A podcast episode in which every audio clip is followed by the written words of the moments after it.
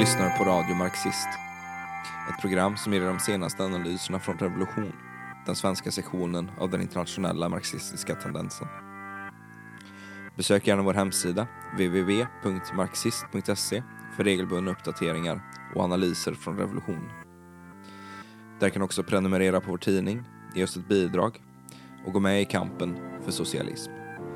I detta avsnitt berättar Stefan Kangas om den finska revolutionen 1917 till 1918. Kamrater, den eh, finska revolutionen är ett stolt kapitel i den internationella arbetarklassens historia. I Norden så är det den proletära revolution som har gått allra längst, men som även slutade i ett nederlag och en blodig kontrarevolution. Vi ser gång på gång hur de finska massorna reser sig heroiskt. Men i varje läge sviks och förråds av sina egna ledare. Och det är en lärdom dels i att sveket är inneboende i reformismen. Oavsett vilka goda intentioner den kan tänkas ha. Att arbetarklassen inte kan ta över den befintliga statsapparaten och använda den för sina egna syften. Men också en lärdom i hur brutal den härskande klassens reaktion kan vara. En revolution kännetecknas framför allt av ett massivt politiskt uppvaknande. Där miljoner människor som kanske aldrig tidigare brytt sig om politik eller åtminstone inte varit politiskt aktiva plötsligt griper in i samhällets utveckling för att förändra det i enlighet med sin egen vilja och sina intressen. Finland hade varit en del av Sverige i 800 år. Men eh, när Sverige förlorade kriget mot Tsarryssland så blev det en del av Tsarryssland 1809. Men den här långa historien gjorde att det fanns väldigt täta band mellan den finska överklassen och den svenska. Den finska överklassen pratade i stor utsträckning svenska. Och Finland var ett land som dominerades av jordbruk med halvfeodala egendomsförhållanden. Finland hade aldrig haft någon borgerlig revolution. Det fanns olika typer av feodal utsugning. Du hade en rik, självägande eh, bondeklass. Eh, det fanns vissa adelsgårdar och så. Och under dem så fanns det bönder som de exploaterade. Torpare som skötte en jordbit som de inte ägde, som de fick betala hyra för i form av eh, produkter men även i arbete. De kunde när som helst sägas upp eh, ifrån sitt, sitt, sin jord. Backstugesittare som ägde sin bostad men inte hade någon egen jord. Och lantarbetare som varken ägde bostad eller jord Eh, utan arbetade för väldigt låga löner och med en obegränsad arbetstid. Lantarbetarna var 70 procent av landsbygdsbefolkningen. I slutet på 1800-talet eh, så blev det en skärpt klasskamp eh, bland dem. Många torpare såddes upp. Landsbygdsbefolkningens läge försämrades. Och jordfrågan var en väldigt viktig fråga i den finska revolutionen eftersom det trots allt rörde majoriteten av befolkningen. På 1860-talet så kommer det första sågverket till Kymmenebruk. Under 1870-talet och de 30 åren därefter så industrialiseras eh, Finland eh, successivt. 1900 så fanns det 65 000 arbetare i Finland som arbetade under mycket dåliga förhållanden, låga löner. Eh, fram till 1917 så fanns det en lag från 1865 som sa att arbetsgivaren har rätt att söka igenom arbetarens personliga tillhörigheter om man bodde i anslutning till eh, arbetsplatsen. Eh, det förekom eh, barnarbete och allt det andra som vi förknippar med eh, den, den tidens eh, arbetarklass. Med arbetarklassens framväxt så bildades också fackföreningar och en arbetarrörelse med SDP, eh, det socialdemokratiska partiet. Deras tidning Työmies, eh, Arbetaren, bildades 1895. Den första partiavdelningen bildades 1898 och 1903 så blev de formellt eh, Finlands socialdemokratiska eh, parti. Den finska socialdemokratin var eh, på pappret vad man kallar ortodoxt marxistiskt. De trodde inte på klassamarbete, alla var överens om att vi skulle inte ha någonting att göra med eh, Liberalerna, en ståndpunkt som gällde i princip fram till 1917. Men partiet präglades också av en slags ekonomisk determinism liknande den som eh, Kautsky förde fram eh, i Tyskland, som vi hörde om en del igår. Där revolutionen inte behöver organiseras egentligen, utan kommer automatiskt som en följd utav det kapitalistiska eh, systemets utveckling och revolutionärerna i princip bara behöver befinna sig som passiva åskådare till den här objektiva, lagbundna eh, nödvändigheten. En väldigt passiv och orevolutionär inställning som spelar en väldigt stor och negativ roll eh, 1917. Snart skulle det här unga partiet kastas in i revolutionens stormvirvel och då skulle alla de här bristerna eh, visa sig. Partiet var plötsligt berett 1917 att samarbeta med högern och den passiva inställningen skulle ta ut eh, sin fulla rätt. Den första ryska revolutionen bryter ut 1905 och den sprider sig väldigt snart till Finland. I oktober 1905 är det generalstrejk över hela Finland och strejkkommittéer tar över på de allra flesta platser. Man bildar eh, ett nationalgarde där till en början även de borgerliga ingår. Men borgarna kastas snart ut och man bildar nu för första gången det man kallar för röda garden. Och eh, revolutionen fortsätter under 1906 eh, med myterier och strejker. Ett av de mest kända myteriet på Sveaborg eh, vid Helsingfors eh, mynning där eh, vita kontrarevolutionära skyddskårer för första gången dödar eh, rödgardister och de får nu sitt eh, rätta namn, slaktare, som eh, passar ännu bättre in när vi ska höra eh, vad som hände 1917. Det här myteriet alltså slås ned blodigt. Eh, och eh, SDP hade bara 17 000 medlemmar 1904, men växte snabbt till 85 000 1906. Men deras partikongress eh, i augusti, tror jag det var, 1906 tar avstånd ifrån den väpnade kampen och lägger ner de här röda garderna som anses hota partiets legalitet och förespråkar istället konstitutionell reform. Och även om det sker klasskamp och till och med revolution i Finland, så till skillnad från det ryska bolsjevikpartiet exempelvis, så arbetar man i huvudsak under eh, förhållanden av legalitet. Och, och tsaren, inte minst för att blidka de revolutionära stämningarna, antar en ny konstitution med allmän och lika rösträtt med ett inkomststreck, eh, men inrättar en finsk landdag. Man får yttrandefrihet och organisationsfrihet. Och SDP ställer upp i valet 1907 och vinner 80 av 200 mandat eh, i landdagen. Och i SDP finns det, särskilt i det ledande skiktet, enorma illusioner i parlamentarismen. Någonting som får en väldigt negativ inverkan på partiet, som mer och mer börjar utvecklas till, eh, istället för en kämpande organisation, mer och mer utav bara en ren eh, valmaskin. Man hade en idé om att man kunde gripa makten på laglig väg genom parlamenten. Och en byråkrati börjar utvecklas i toppen av partiet som lever bekväma liv med välbetalda positioner i parlamentet och som mer och mer börjar anamma borgerlighetens livsvanor och synsätt. Men parlamentarismen levererar inga förbättringar. De reformer som beslutas stoppas av tsaren. Och det finns ett enormt missnöje med den här byråkratin som börjar växa upp och även med de uteblivna resultaten. Och andelen aktiva i partiet sjunker med 40 procent bara de tre följande åren efter det valet. Det nationella förtrycket och nationsfrågan är en väldigt viktig faktor i den finska revolutionen. Finland hade haft ett ganska omfattande självbestämmande sedan 1809.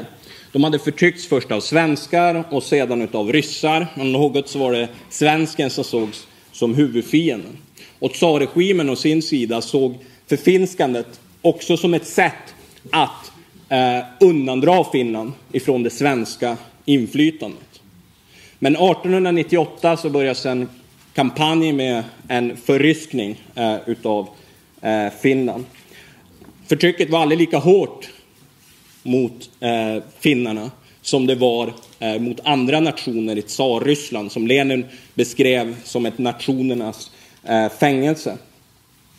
Och SDP var ändå för den finska självständigheten och en del inom partiet hänföll utan tvekan till eh, Eh, nationalism och gjorde kampen mot Ryssland till huvudfrågan. Men för majoriteten i partiet så var problemet med Ryssland främst eh, att de skyddade den finska överheten. När det första världskriget bryter ut 1914 så är Finland, trots att man är en del av eh, Tsarryssland, i stort sett helt utanför kriget. Inga finnar deltar i kriget. SDP är ändå ett starkt parti med 51 000 medlemmar. De har 890 Arbetarnas hus, 46 sångkörer och 71 orkestrar. Dagstidningen Arbetaren, eh, flera andra tidningar som kommer ut sex gånger i veckan, eh, fyra gånger i veckan, hela den fackliga pressen. Eh, en stor apparat och ett starkt parti. Men 100 000 ryska soldater placeras i Tyskland och man inför i praktiken militärdiktatur med censur, mötesfriheten inskränks, parlamentet eh, slutar träffas och så vidare. SDP antar linjen att det första världskriget är ett imperialistiskt krig och det här är till skillnad från de flesta partierna i den andra internationalen vid den tidpunkten. De skickar Yrje Sirula som officiell representant till Eh, Zimmerwald-mötet som samlar den internationalistiska oppositionen inom den andra internationalen. Eh, men man anslöt sig aldrig till Zimmerwald-vänstern, till Lenins och Trotskijs ståndpunkt eh, om att man skulle vända kriget till ett inbördeskrig, till en revolution. Det var väldigt långt ifrån, det fanns inte i de finska socialdemokratiska ledarnas föreställningsvärld att man kunde göra på det sättet. Under kriget så ökar också exporten till Ryssland på grund av krigsmaskinens eh, behov, vilket gör att det råder i princip full sysselsättning. Och industrikapitalisterna som gör enorma vinster manar till lojalitet med Ryssland. Nya arbetare dras in i produktionen och ett ungt proletariat börjar växa fram som är mer stridbart än de äldre arbetarna. Mindre villiga att acceptera SDP-ledarnas kompromisser. Man förbjuder strejker, någonting som eh, LO, finska LO accepterar. Reallönerna minskas med eh, en tredjedel på bara tre år. Och det sker ett nytt inflöde av aktiva i partiet och i fackföreningarna av människor som vill, eh, av arbetare som vill kämpa. Inom delar av borgerligheten, till följd av det nationella förtrycket, så hade det växt fram en ny rörelse. Den så kallade aktivismen, som förespråkade självständighet eh, från Ryssland och hellre såg till Tyskland för hjälp. Nu åker 1500 så kallade frivilliga, framförallt barn till rika, medelklass och överklass, eh, som åker till eh, Tyskland då Eh, det här var en minoritet. Majoriteten av industrikapitalisterna hade en lönsam handel med Ryssland, ville inte alls bryta med Ryssland. Va? Det var en minoritet av borgarklassen och medelklassen som hade en idé om att man skulle organisera, på grundval av eh, den här aktivismen, ett anti-ryskt uppror i Finland. Tyskland såg det här eh, utifrån sitt perspektiv. De hade sina intressen. De små nationerna är bara brickor i de mäktiga imperialistiska ländernas spel. Och det är lika sant idag som det var då. De såg, de såg det som ett sätt att få kontroll över, inte minst Finlands strategiska eh, läge, eh, men också Finlands naturresurser. Och de här aktivisterna inkorporeras som del, ja, de blir den 27 jägaredivisionen eh, och får där en militär eh, utbildning. Samtidigt så säljer också jordbruket sina varor till Ryssland, vilket leder till en enorm inflation. Det börjar bli en enorm brist på mat. Inte bara var maten dyr, den var också svår att få tag i. Den, eh, det var långa matköer runt om i Ryssland och priskontroller gjorde att det började växa fram en svart marknad. I valet som skedde 1916 så får SDP majoriteten, den första socialistiska majoriteten i något parlament i världen med 103 av 200 eh, mandat. eh, i landdagen. Men hungern och missnöjet fortsätter växa. När den ryska revolutionen bryter ut i februari 1917 enligt gamla kalendern, enligt nya kalendern den 8 mars 1917 på den internationella kvinnodagen. När kvinnliga textilarbetare gick ut i strejk. 90 000 på den första dagen och växte snabbt till att omfatta hundratusentals. En rörelse som spred sig från Sankt Petersburg till Moskva och ut i provinserna. Och tsarregimen, som har funnits där i flera hundra år, faller inom loppet av fem dagar. Istället upprättas det en provisorisk regering eh, med, eh, med eh, en reformistisk ledning med Kerensky i spetsen. Även i Finland faller det gamla styret samman. Det bryter ut myteri i den ryska baltiska flottan. Matroserna hissar röda flaggor. De eh, tar ett 50-tal utav de allra mest hatade och avskydda officerarna och avrättar dem och slänger dem över bord. De viktigaste av tsarens representanter grips medan arbetarna går från den ena massdemonstrationen till det andra, från det ena stormötet till det andra. Gatorna är fulla med människor. Eh, och den 17 mars så griper Sovjeten i Helsingfors makten. Det är Helsingfors-Sovjeten som kommer närmast att likna de ryska sovjeterna eh, som grep makten helt i Ryssland i oktober 1917. Det bildas även sovjeter i Uleåborg och i Viborg. Men det utvecklas aldrig till någonting allmänt. Det blir aldrig någon varaktig dubbelmaktssituation eh, som i Ryssland. Den 6 april utfärdar Helsingforssovjeten ett dekret om att den är den högsta makten i Finland. Men SDP har ingen idé om hur man ska utveckla de här maktorganen eller understödja dem eller sprida dem till några nya platser. De har inte lärt sig någonting från den ryska revolutionen 1905 när de spelade en viktig roll eh, som ett eh, klassorgan, ett direkt uttryck för hela eh, arbetarklassen oavsett partitillhörighet. Att själva bestämma över och styra eh, samhället. Så bara två dagar efter att man utfärdat det här dekretet så erkänner man den provisoriska regeringen eh, med vissa förbehåll.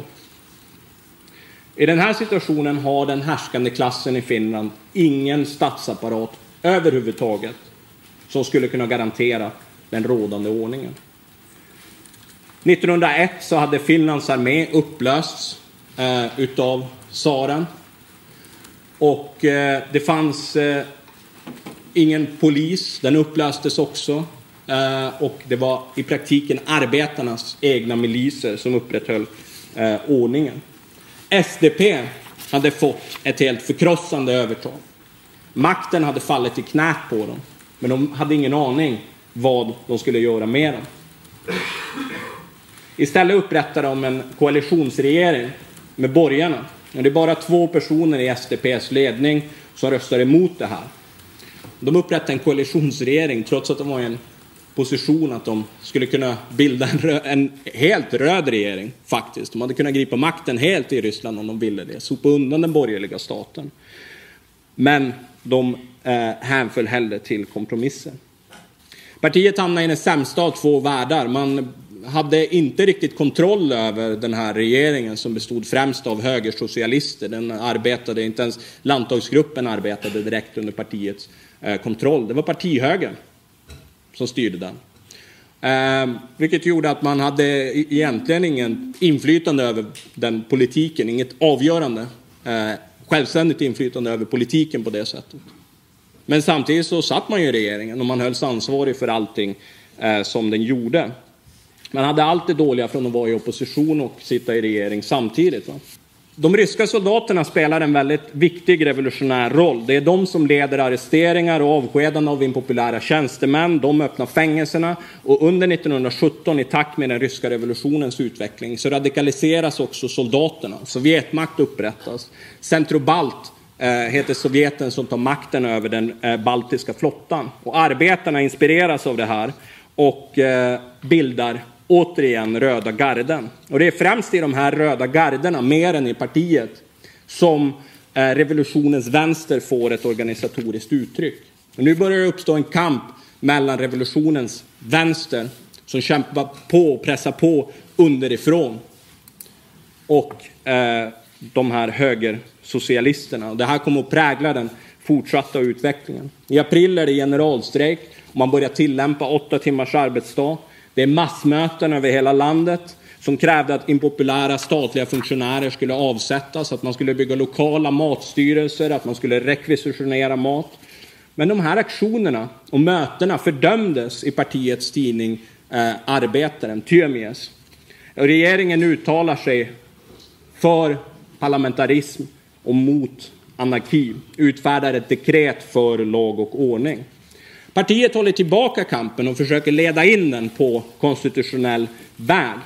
Redan i mars så uppmanar STPs ledning att inte organisera sig i Röda garden utan att basera sig på sina vanliga parti och fackliga organisationer. Den fackliga ledningen håller tillbaka kampen. Emil Lohiko, som är sekreterare i Metallförbundet, som skrev i sina memoarer om hur de eh, stoppade strejker flera gånger genom att försöka spela ut arbetare mot varandra. Och på sin partikongress i juni så antar man återigen en mer återhållsam linje. Vänstern förordar generalstrejk men förlorar på kongressen som istället säger att revolutionen är inte över. Eh, vi behöver självständighet, det är vårt främsta mål, men med ett borgerligt parlament. Va? Eh, man ser sig mer eller mindre, inte som deltagare utan återigen som passiva uttolkare av händelserna. Och här kommer den här ortodoxa marxismen, deras eh, Kautsky-inspirerade marxism, i konflikt med händelsernas utveckling. De, blir, eh, de försöker relegera sig själva till att vara passiva åskådare av utvecklingen. Vänstern förlorar, men här ser vi ett av revolutionens viktigaste problem. Det fanns ingen organiserad vänsterflygel. I det här läget hade vänstern, oavsett organisatoriska former man väljer, om man kämpar som en tendens eller om man behöver bryta rent formellt med partihögern, så hade man behövt ta en direkt och öppen politisk strid mot partiets ledning. Förmodligen bilda en självständig revolutionär tendens. Istället för att upprätthålla, vilket var vad man gjorde, en falsk enhet bakom en felaktig politisk linje som innebar i praktiken att arbetarklassen stod utan ledning. Eller faktiskt ännu värre, med en reformistisk, en svag ledning som skulle komma att svika. I mitten av sommaren så antar parlamentet en maktlag som innebär ett ensidigt utropande av den finska självständigheten. Borgarna är splittrade, en del av dem röstar med den här maktlagen. De vet inte riktigt vad de ska göra, de är väldigt förvirrade vid den här tidpunkten. Svaret för dem blir vi kan inte gärna eh, alliera oss med Tyskland, men vi kanske kan eh, lita här nu på den provisoriska regeringen. Och det blir också vad de gör. Kerensky och den provisoriska regeringen upplöser den finska landdagen med en socialistisk majoritet den 31 juli. Och eh, de som anklagar bolsjevikerna för odemokratiska åtgärder kan ju se att deras så kallade demokratiska sida i den ryska revolutionen Eh, Eh, var med om att eh, upplösa det första folkvalda parlamentet i världen med socialistisk majoritet. När SDP, SDPs delegation i landtagen försöker ha ett sammanträde i augusti så stoppas de av ryska militärer beordrade dit av eh, Kerensky. Och allt det här sker i demokratins namn. Man utlyser ett nyval i oktober och SDP säger mycket riktigt att det här är ett olagligt eh, val. Den enda lagliga lantdagen det är den gamla. Men de bojkottade inte valet, utan deltog. Eh, vilket var i sig en slags motsägelse. Eh, I valet så sker det ett omfattande valfusk, vilket man uppdagar senare. Man hittar under inbördeskriget lådor fulla med valsedlar och majoriteten är eh, SDP. SDP ökar i antal röster men förlorar ändå sin majoritet. Borgarna hade majoriteten nu i parlamentet. Efter revolutionen i mars så hade arbetarklassens problem egentligen bara blivit värre.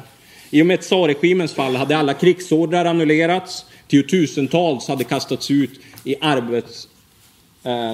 Eh, eh, ett annat problem är att 60 procent av allt spannmål till Finland importeras. Och vid ett tillfälle i mars så beställde de spannmål från Finland men till följd av kaoset och oorganiseringen så fick de bara en femtedel av det som de hade beställt.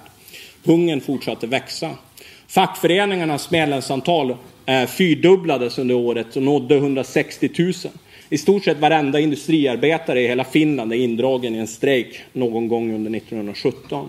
Under sommaren sker det hungerkravaller i städerna där folk börjar ta saken i sina egna händer. De exproprierar, alltså tar över livsmedelslagen och börjar tvångssälja maten, ibland till reducerat pris. Och samtidigt så börjar borgarklassen röra sig mot mer bestämda åtgärder. Ett möte på Börsklubben i Helsingfors med representanter för borgarklassen ger två miljoner mark till militärkommittén den 3 oktober. Den 31 oktober så får de ett stort lass med vapen eh, till de vita, till kontrarevolutionen från Tyskland. De började organisera så kallade skyddskårer som var deras namn på de här vita slaktargarderna. Och Tyemies varnar arbetare för att ansluta sig till de här vita skyddskårerna som nu börjar organiseras på allvar. Borgarklassen börjar förbereda sig på ett avgörande slag. Sedan maj hade de röda garderna i princip legat nere på partiets direktiv, men nu börjar man igen eh, att organisera dem. Äntligen i oktober, efter ett hemligt möte i Tammerfors, så uppmanar LO arbetarna eh, att ansluta sig i elfte timmen. STP eh, uppmanar arbetare först i november. Och allting pekar nu framåt mot en öppen konfrontation mellan klasserna. Den eh, 7 november enligt nya kalendern så sker oktoberrevolutionen i Ryssland. Under ledning av bolsjevikerna så griper den ryska arbetarklassen makten. Och eh, i Finland så blir situationen minst sagt oklar, inte minst från den härskande klassens synvinkel. Den provisoriska regeringen är upplöst. Vem är det som har auktoritet? Vad gör vi nu? Och de använder den här majoriteten de nyss har fått i parlamentet till att försöka genomdriva en militärdiktatur med en person som heter Svinhuvud som eh, diktatorn. Ja, det är Svinhuvud. Det, var, det är hans namn. Det är inte jag som driver bara. Till skillnad från Socialdemokraterna så hade inte borgarklassen några som helst illusioner i den eh, borgerliga eh, demokratin. Men arbetarna förbereder sig på ett generalstrejk som svar och man tillsätter det revolutionära centralrådet som en ledning för strejken som omedelbart skickar en delegation till Ryssland för att träffa bolsjevikerna som nyss har tagit makten. De träffar Lenin som uppmanar dem att omedelbart gripa makten. De kommer tillbaka med Lenins besked den eh, 14 november och samma dag inleds en generalstrejk i hela Finland. Natten innan så hade arbetarna fått vapen från de ryska trupperna. Så 3000 beväpnade arbetare demonstrerar i Helsingfors under strejkens första dag.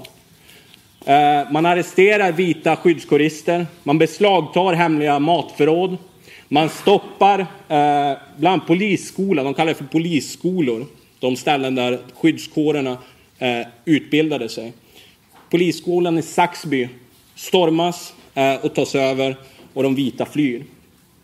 Lokala strejkkommittéer och Röda garden kontrollerade helt situationen. De avväpnade och fäng, eh, fängslade eh, de avväpnade vita garden, de eh, fängslade eh, lokala myndigheter, kontrollerade både kommunikationer och livsmedelsförsörjning. De tar över viktiga byggnader, de sätter upp barrikader och de slår ner de vita på det här sättet. Kampen har nu nått sin högsta punkt. Makten befinner sig återigen på en högre nivå än i mars i arbetarnas händer. De hade utan vidare kunnat sopa undan kapitalismen. Det här var tillfället att agera. Trotskij skriver i oktoberrevolutionens lärdomar, som vi pratade om igår också, att vid ett givet skede i revolutionen så måste man agera. Även i Bolsjevikpartiets centralkommitté var det en stor diskussion om man skulle gripa makten i oktober. Zinovjev och Kamenev pratade om statens överlägsenhet. De har artilleri och de har solfjäderformat kavalleri och så vidare. Va? De sa att om vi försöker gripa makten så kommer det att leda till ett nederlag. Men när den ryska revolutionen ägde rum, när oktoberrevolutionen ägde rum, så föll allting samman som ett korthus. Ingen var beredd att försvara den gamla ordningen. Det var som en polisoperation där man åkte runt och tog över de olika statliga departementen. Men det var nödvändigt att organisera och förbereda det här upproret för att gripa makten. Men SDP, de hade en rädsla för att tappa kontrollen över den här rörelsen. Och I Finland fanns det egentligen bara två linjer. Högern som var motståndare till revolution och vänstern, om man kan kalla den snarare mitten, som eh, sa att arbetarklassen är för svag, precis som Zinovjev och Kamenev hade gjort i Ryssland. Men saker avgörs inte av formella bedömningar i klasskampen. Det är inte bara en objektiv bedömning. Problemet är att borgarklassen alltid har övertaget eh, i rent objektiva frågor. Eh, de har militärer, och de har poliser, och de har vapen och de har tyskarna på sin sida. Det går alltid att hitta på anledningar. Va? En revolutionär ledning måste ha en känsla för när den här situationen kan förändras. När arbetarklassen kan få ett övertag genom en beslutsam åtgärd, genom ett revolutionärt uppror. Och här spelar inte bara de objektiva bedömningarna om vem har mest vapen och så vidare roll, utan även de mer subjektiva. I Ryssland kanske de hade militärer, men de var inte beredda att försvara den gamla ordningen. Därför var det meningslöst att prata om vilket artilleri eller vilka kavallerister de hade och så vidare. Va? Sanningen var att den här soldaterna kom ju över till revolutionen. Saker kan förändras. Och eh, att organisera ett uppror är ingen vetenskaplig fråga, utan också en konst. Om alla de objektiva faktorerna pekar i riktning mot revolution, men arbetarklassen har en vacklande ledning, så kommer den vacklande och tvekande ledningen att bli en faktor som garanterar ett nederlag. Men om arbetarklassen har en beslutsam ledning så kan den istället bli en faktor som garanterar en framgång. Poängen är att saker måste ställas på sin spets och prövas av händelserna. När tillfället kommer så måste man ta det. Annars så garanterar man tvärtom. Om man aldrig tar det där tillfället så garanterar man bara ett nederlag. Om man ser i Finland så var situationen till och med ännu mer gynnsam än vad den hade varit i Ryssland. Kapitalisterna hade ingen väpnad styrka som hade kunnat stoppa dem. De hade kanske 10 000 skyddskorister eller så, men de var väldigt dåligt organiserade, hade inte haft någon chans att stå emot ett beslutsamt uppror organiserat av SDP. Deras starke man, Mannerheim, som skulle leda de vita, vita senare, han befann sig i utlandet. Tyskarna kunde inte gärna eh, undsätta dem innan isarna hade öppnats, vilket de gjorde först senare framåt våren.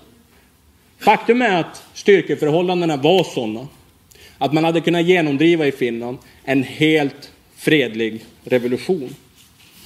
Ledarna för istället fram ett program, eh, Vi kräver-programmet, som innehåller en olika begränsade reformer på kapitalistisk grund.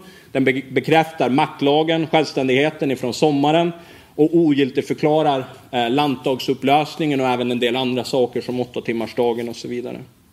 På strejkens fjärde dag så kommer en motion istället om att gripa makten. Den avslås i det revolutionära centralrådet med åtta röster mot åtta, där ordföranden får utslagsrösten. Och den 19 oktober så beslutar man att lägga ner strejken. Med en helt otrolig formel. Strejken läggs ner, men revolutionen fortsätter. Det här möts inte särskilt välvilligt av arbetarna. När det dyker upp talare som försvarar det här beslutet i Kotka, Lahtis och Lovisa så slänger man ut eh, talarna. Eh, jag satt och bläddrade i en biografi igår eh, så i, i Tammerfors. Det var en av de som försvarade det här beslutet. I Tammerfors eh, så fick de inte ens tala. De frågade eh, okej, okay, revolutionen fortsätts. Eh, av vem? Eh, och sa att ni är köpta utav borgarklassen. Ni ljuger för oss. Det här är inte sant. Det är bara här i Tammerfors som ni säger att vi lägger ner strejken. Eh, och man vägrade faktiskt eh, göra det. Man slängde ut talarna. Men till slut så lyckades ledningen med en enorm press övertyga arbetarna om att gå tillbaka till, eh, eh, eh, till arbetet. Eh, arbetarna hade ju fått vapen ifrån ryssarna och senare när de går får de ett direktiv om att lämna tillbaka de vapen och de går till de ryska soldaterna och säger här är era vapen tillbaka. Och de ryska soldaterna säger att eh, alltså, det var inte meningen att ni skulle lämna tillbaka de här. Eh, ni får behålla dem. Se till att de inte faller i orätta händer. Men det är era vapen. Va? Eh, den 25-27 november så är det partikongress med hårda motsättningar återigen mellan höger och vänster. Vänstern som argumenterar för att fullborda revolutionen, högern som argumenterar för koalitionsregering. Eh, och eh, Kosinen är en av dem som för fram en kompromiss. Han säger både koalitionsregering och väpnad revolution. Det här blir det som går igenom. Faktum är att SDP lekte med revolutionen. Någonting som Lenin alltid varnade för. Och i praktiken ledde de novemberstrejken till ett misslyckande. Men rörelsens omfattning har visat borgarklassen med all nödvändig klarhet att inga mellanvägar längre är möjliga. Det går inte att kompromissa med revolutionen. Revolutionen måste krossas. Och den här situationen, den här formen, med strejken läggs ner, men revolutionen fortsätter, köper bara borgarna tid för att förbereda sin kontrarevolution. De går med på delar av Vi kräver-programmet, som åtta timmars dagen och så, men faktum är att ingen kan vara nöjd med situationen. Den 6 december så förverkligar bolsjevikerna sitt program om självständighet för Finland, som alltid har varit en del av bolsjevikernas program. De förstod att det här var någonting som skulle inte stöta bort de finska arbetarna utan tvärtom knyta dem närmare de ryska. Trots de tidigare relationerna eh, med Tsarryssland så kunde man på det sättet visa att man hade gemensamma intressen och ingenting att frukta från de ryska arbetarna. I mitten av december så är det stora möten med representanter för torparna som säger att om inte lantdagen genomför vår frigörelse så genomför vi den själva. De röda garderna har möten. Helsingforsgardet kräver större handlingsfrihet ifrån partiet. De förlorar den omröstningen eh, på grund av att de proletära städerna röstar i huvudsak för. De är mer handlingsvilliga medan de mer eh, underutvecklade, lantliga, ekonomiskt underutvecklade och lantliga delarna är mer eh, försiktiga. Men faktum är att klockan tickar. Man kan inte ha en sån här situation i längden. Förr eller senare måste den ena, eh, av öppen konflikt mellan klasserna, förr eller senare så måste den ena eller andra sidan få ett övertag. Den 9 januari så får Svinhuvud order om att upprätta en stark ordningsmakt. I praktiken att bilda en polis, eh, som de kallar det, baserad på skyddskårerna, slaktarna. Vilket är en ren provokation mot de röda. Nu börjar allting hetta till på allvar. Eh, senatens och kontrarevolutionens centrum flyttas till Österbotten där den vita officeraren Mannerheim sätts att organisera kontrarevolutionen. Även ledarna för SDP börjar nu inse att saker börjar bli på allvar nu. Och eh, de tar in några från partiet vänster, framförallt finns bland ledarna för de röda garderna, som tas in i partistyrelsen, vilket ger vänstern majoritet i partistyrelsen som den 19 till 22 januari på ett partistyrelsemöte uttalar sig för revolution. Och av en slump så agerar de vita och röda samtidigt. Den 27 januari så hissar man den röda flaggan över arbetarnas hus i Helsingfors, vilket var startsignalen för revolutionen. Samtidigt som Mannerheim griper eh, de röda ledarna i Vasa. Vasa var en stad där de vita inte hade någonting eh, i november.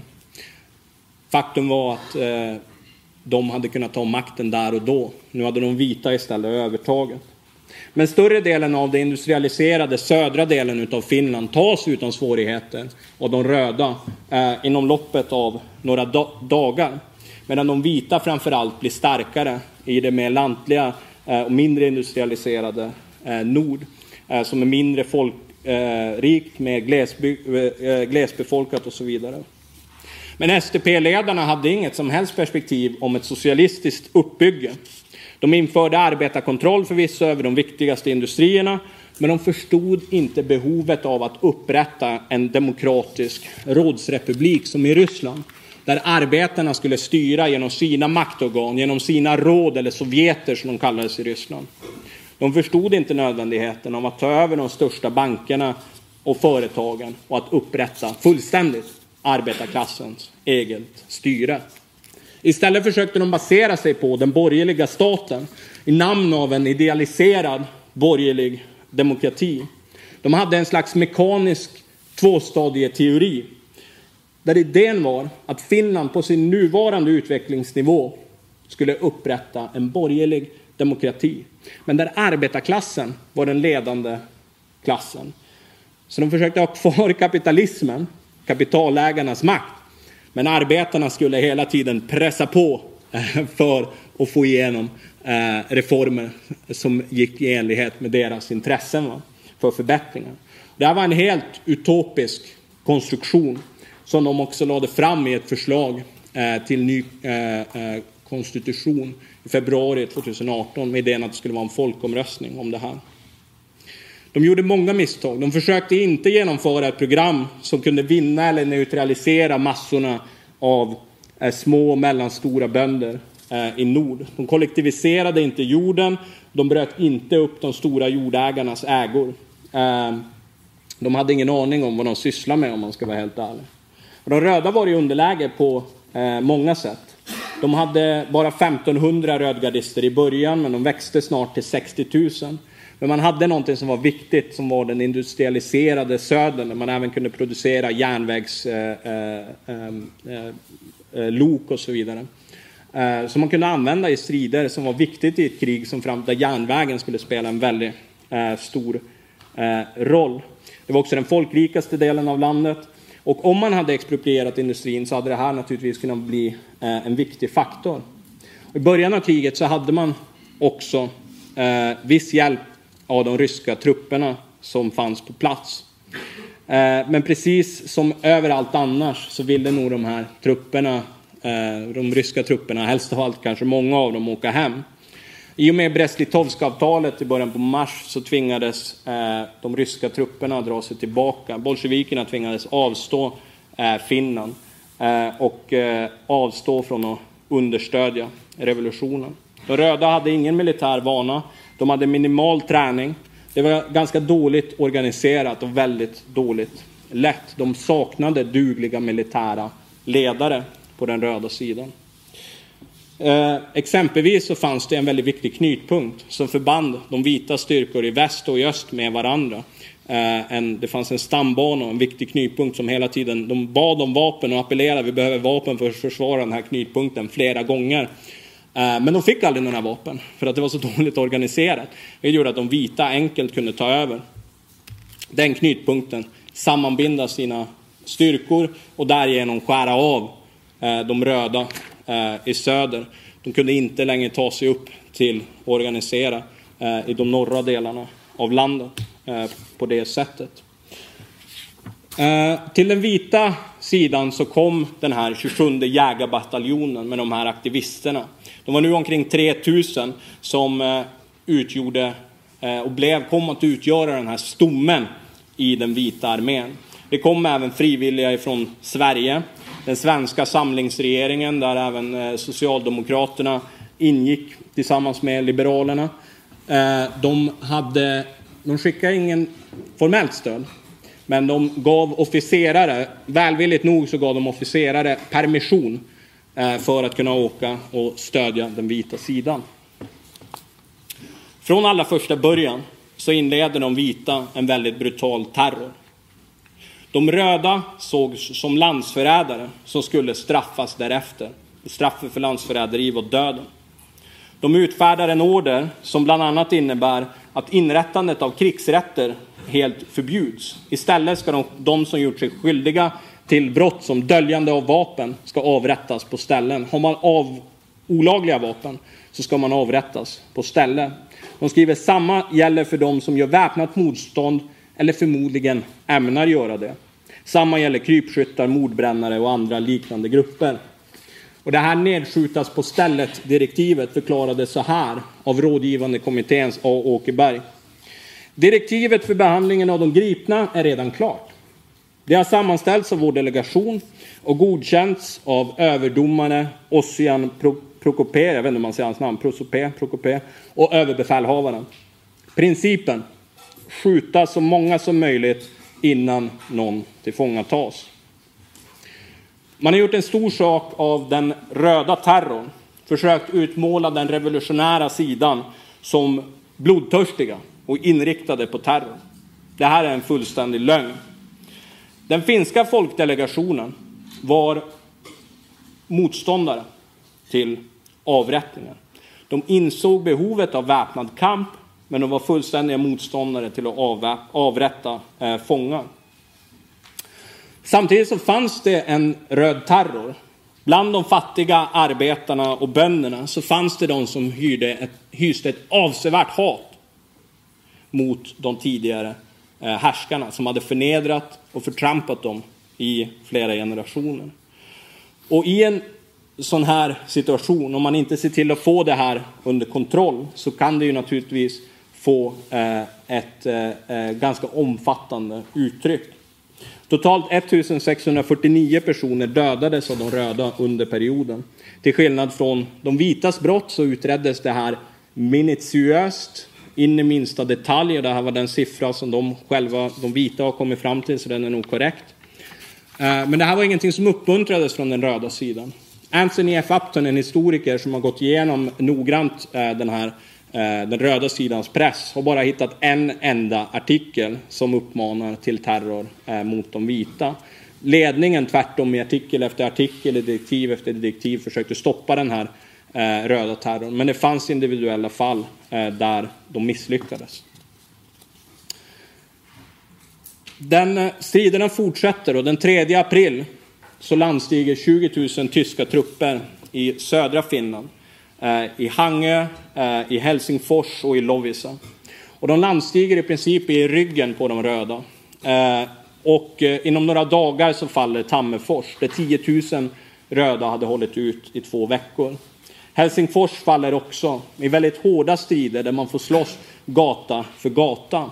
En taktik som de tyska trupperna, den, den tyska armén använde var att de tog arbetarnas barn och fruar och marscherade dem framför sig eh, längs eh, gatorna. Eh, minst hundra kvinnor och barn dog i striderna. Och efter att de var över så togs hundratals kvinnor ut och sköts i summariska avrättningar Eh, eller leddes eh, utan rättegång. Eh, antingen direkt på gatan eller så leddes de ut på isarna och sköts.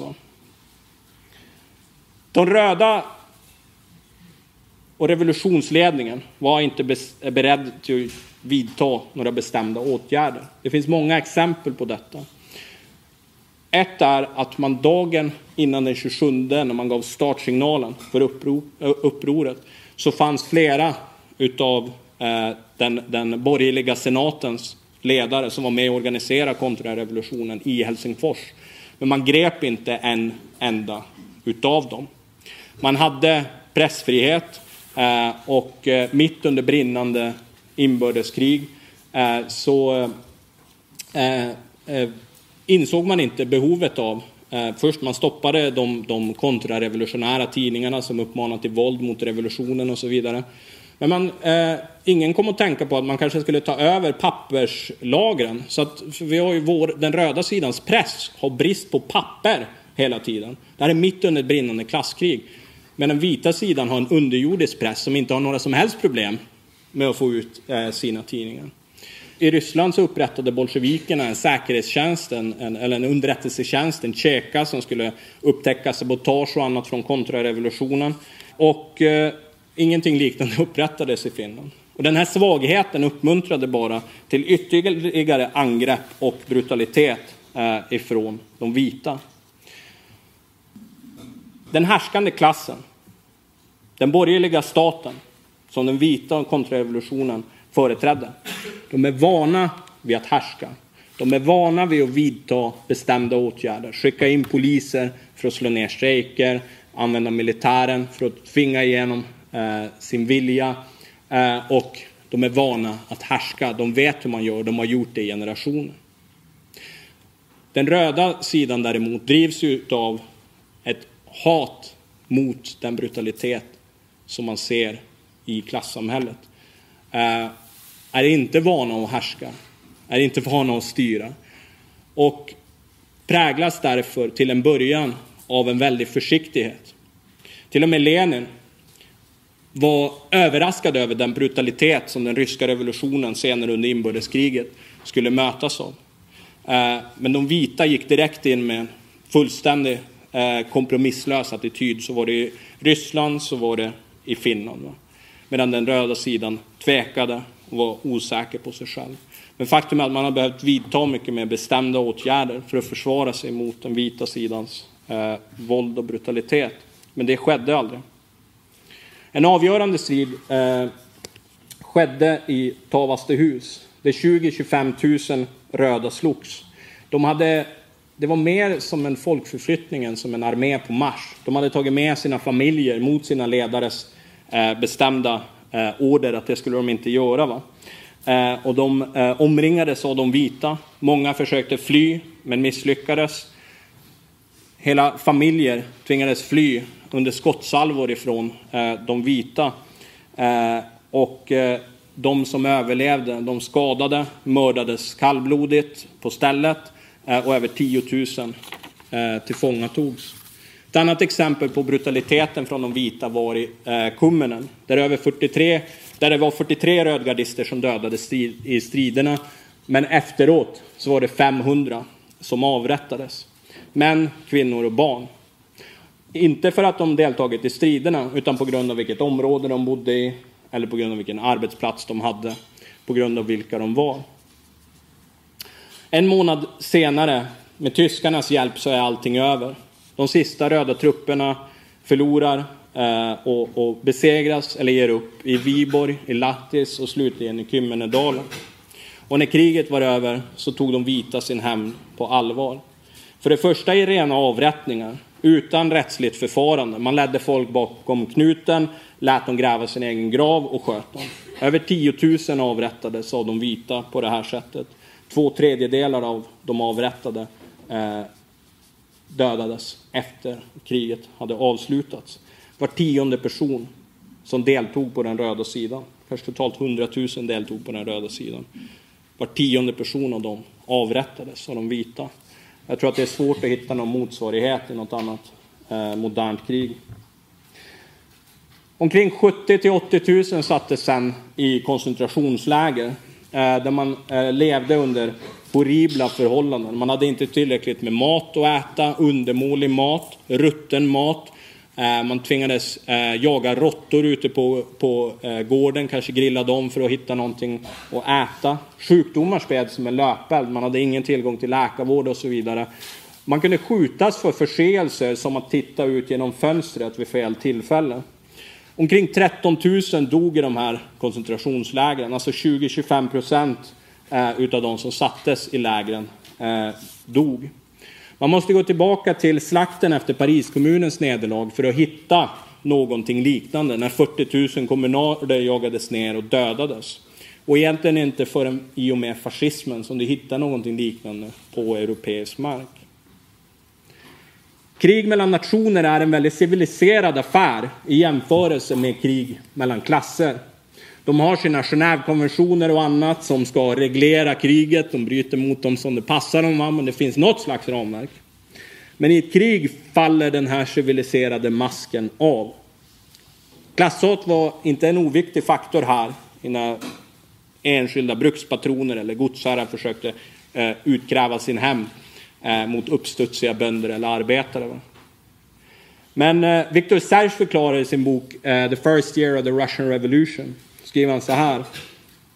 Den vita terrorn beror inte på stridernas vanvett det våldsamma klasshatet eller någon annan psykologisk faktor. Inbördeskrigets vansinne spelar en rent sekundär roll. I själva verket är terrorn resultatet av beräkning och en historisk nödvändighet. De segerrika besuttna klasserna är fullt medvetna om att de under efterspelet till samhälleliga strider bara kan säkra sin egen makt genom att utsätta arbetarklassen för ett blodbad som är hänsynslöst nog att försvaga den för tiotals år framåt. Och eftersom klassen är mycket mer talrik eh, än de förmögna klasserna så måste antalet offer bli mycket stort. Han fortsätter. Kort sagt har den vita terrorn som rationellt mål att utrota proletariatets alla utvecklade och medvetna element fullständigt. I denna mening kommer en misslyckad revolution, oavsett dess inriktning, alltid att kosta proletariatet mycket mer än en segerrik revolution, oavsett vilka offer och vedermödor den sistnämnda må kräva. I flera månader och år efteråt så pågick utrensningar. Röda begick självmord hellre än att tillfångatas. Folk flydde till USA, till Sovjetunionen. Och ironin i det här är att många av de som mördades inte var några revolutionärer utan socialdemokrater som faktiskt hade arbetat som en garant för den gamla rådande eh, ordningen och nu fick sin tack eh, i form utav att bli jagade eller fick betala eh, med sina liv. Så vilka är lärdomarna av den finska revolutionen? Inte bara är det så i Finland att de, in, eh, de, de eh, hade inga ledare. Va? De hade usla ledare som faktiskt förrådde och svek revolutionen. Någon sa om det första världskriget, om de brittiska trupperna, att de var som lejon som leddes av åsnor. Och ingenstans har det stämt bättre än i Finland. Om man hade gripit makten i november hade man haft enormt mycket bättre förutsättningar. De vita hade haft mindre tid att förbereda sig. Man hade haft ett helt annat resultat efter freden i Brest-Litovsk. Kanske hade inte Ryssland behövt dra sig tillbaka. Revolutionen hade kunnat befästa sin makt i tid innan isarna öppnades och tyskarna eh, kunde undsätta de vita. Eh, det hade uppmuntrat arbetare i andra länder. Det hade kanske gjort den tyska revolutionen lättare, även i Ungern året efter. Framförallt hade det försatt den ryska revolutionen i en mycket bättre objektiv situation. Man hade inte bara försvårat de vitas operationer under det ryska inbördeskriget, man hade också stärkt eh, den ryska eh, ekonomin med hjälp av den finska relativt industrialiserade södern.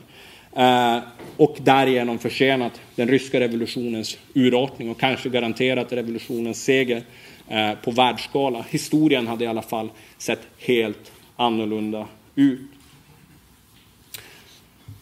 Och förra året så firade Finland 100 års eh, självständighet. Länge kallade de det här kriget då för frihetskriget. Det var de vitas historieskrivning.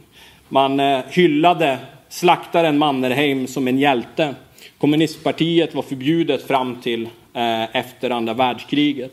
Och de vita historikerna teg systematiskt om den vita terrorn och överdrev Eh, och uppförstorade systematiskt den röda. Från vetenskaplig synvinkel var inte det här ett, bara ett inbördeskrig. Det var en revolution där arbetarna började ta sitt eget öde eh, i sina egna händer.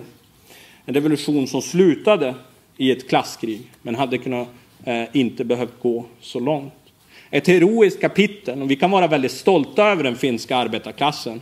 Inte bara för att vi är ett grannland, vi har ingen tid för den typen av, av nationella bedömningar. Vi är internationalister och som internationalister så är den finska arbetarklassens historia också vår historia. Man kan inte lita på en general som ska skicka en armé ut i krig som inte har studerat krigens historia, som inte har studerat de puniska krigen, Napoleonkrigen eller första världskriget. Och på samma sätt kan man inte lita på en revolutionär som inte har studerat revolutionen. Precis på samma sätt som en general förbereder sig för krig så förbereder vi oss för revolution eh, genom att studera tidigare erfarenheter. Det här är ingen akademisk fråga, utan det handlar i allra högsta grad om kampen här och nu. Det vi måste förstå är att hela svagheten i den finska revolutionen bestod i dess ledning. Det fanns ingen brist på organisering eller klasskamp. Arbetarna kämpade, men ledarna svek revolutionen. De tvekade i varje avgörande ögonblick. Eller de höll tillbaka kampen medan massorna pressade på för att gå vidare. Under moderna förhållanden är det, min åsikt, väldigt osannolikt att vi kommer att få se en liknande brutalitet och blodbad. En helt fredlig revolution är fullt möjlig på grund av arbetarklassens eh, enormt mycket större styrka. Kommer ihåg, det var en minoritet i Finland.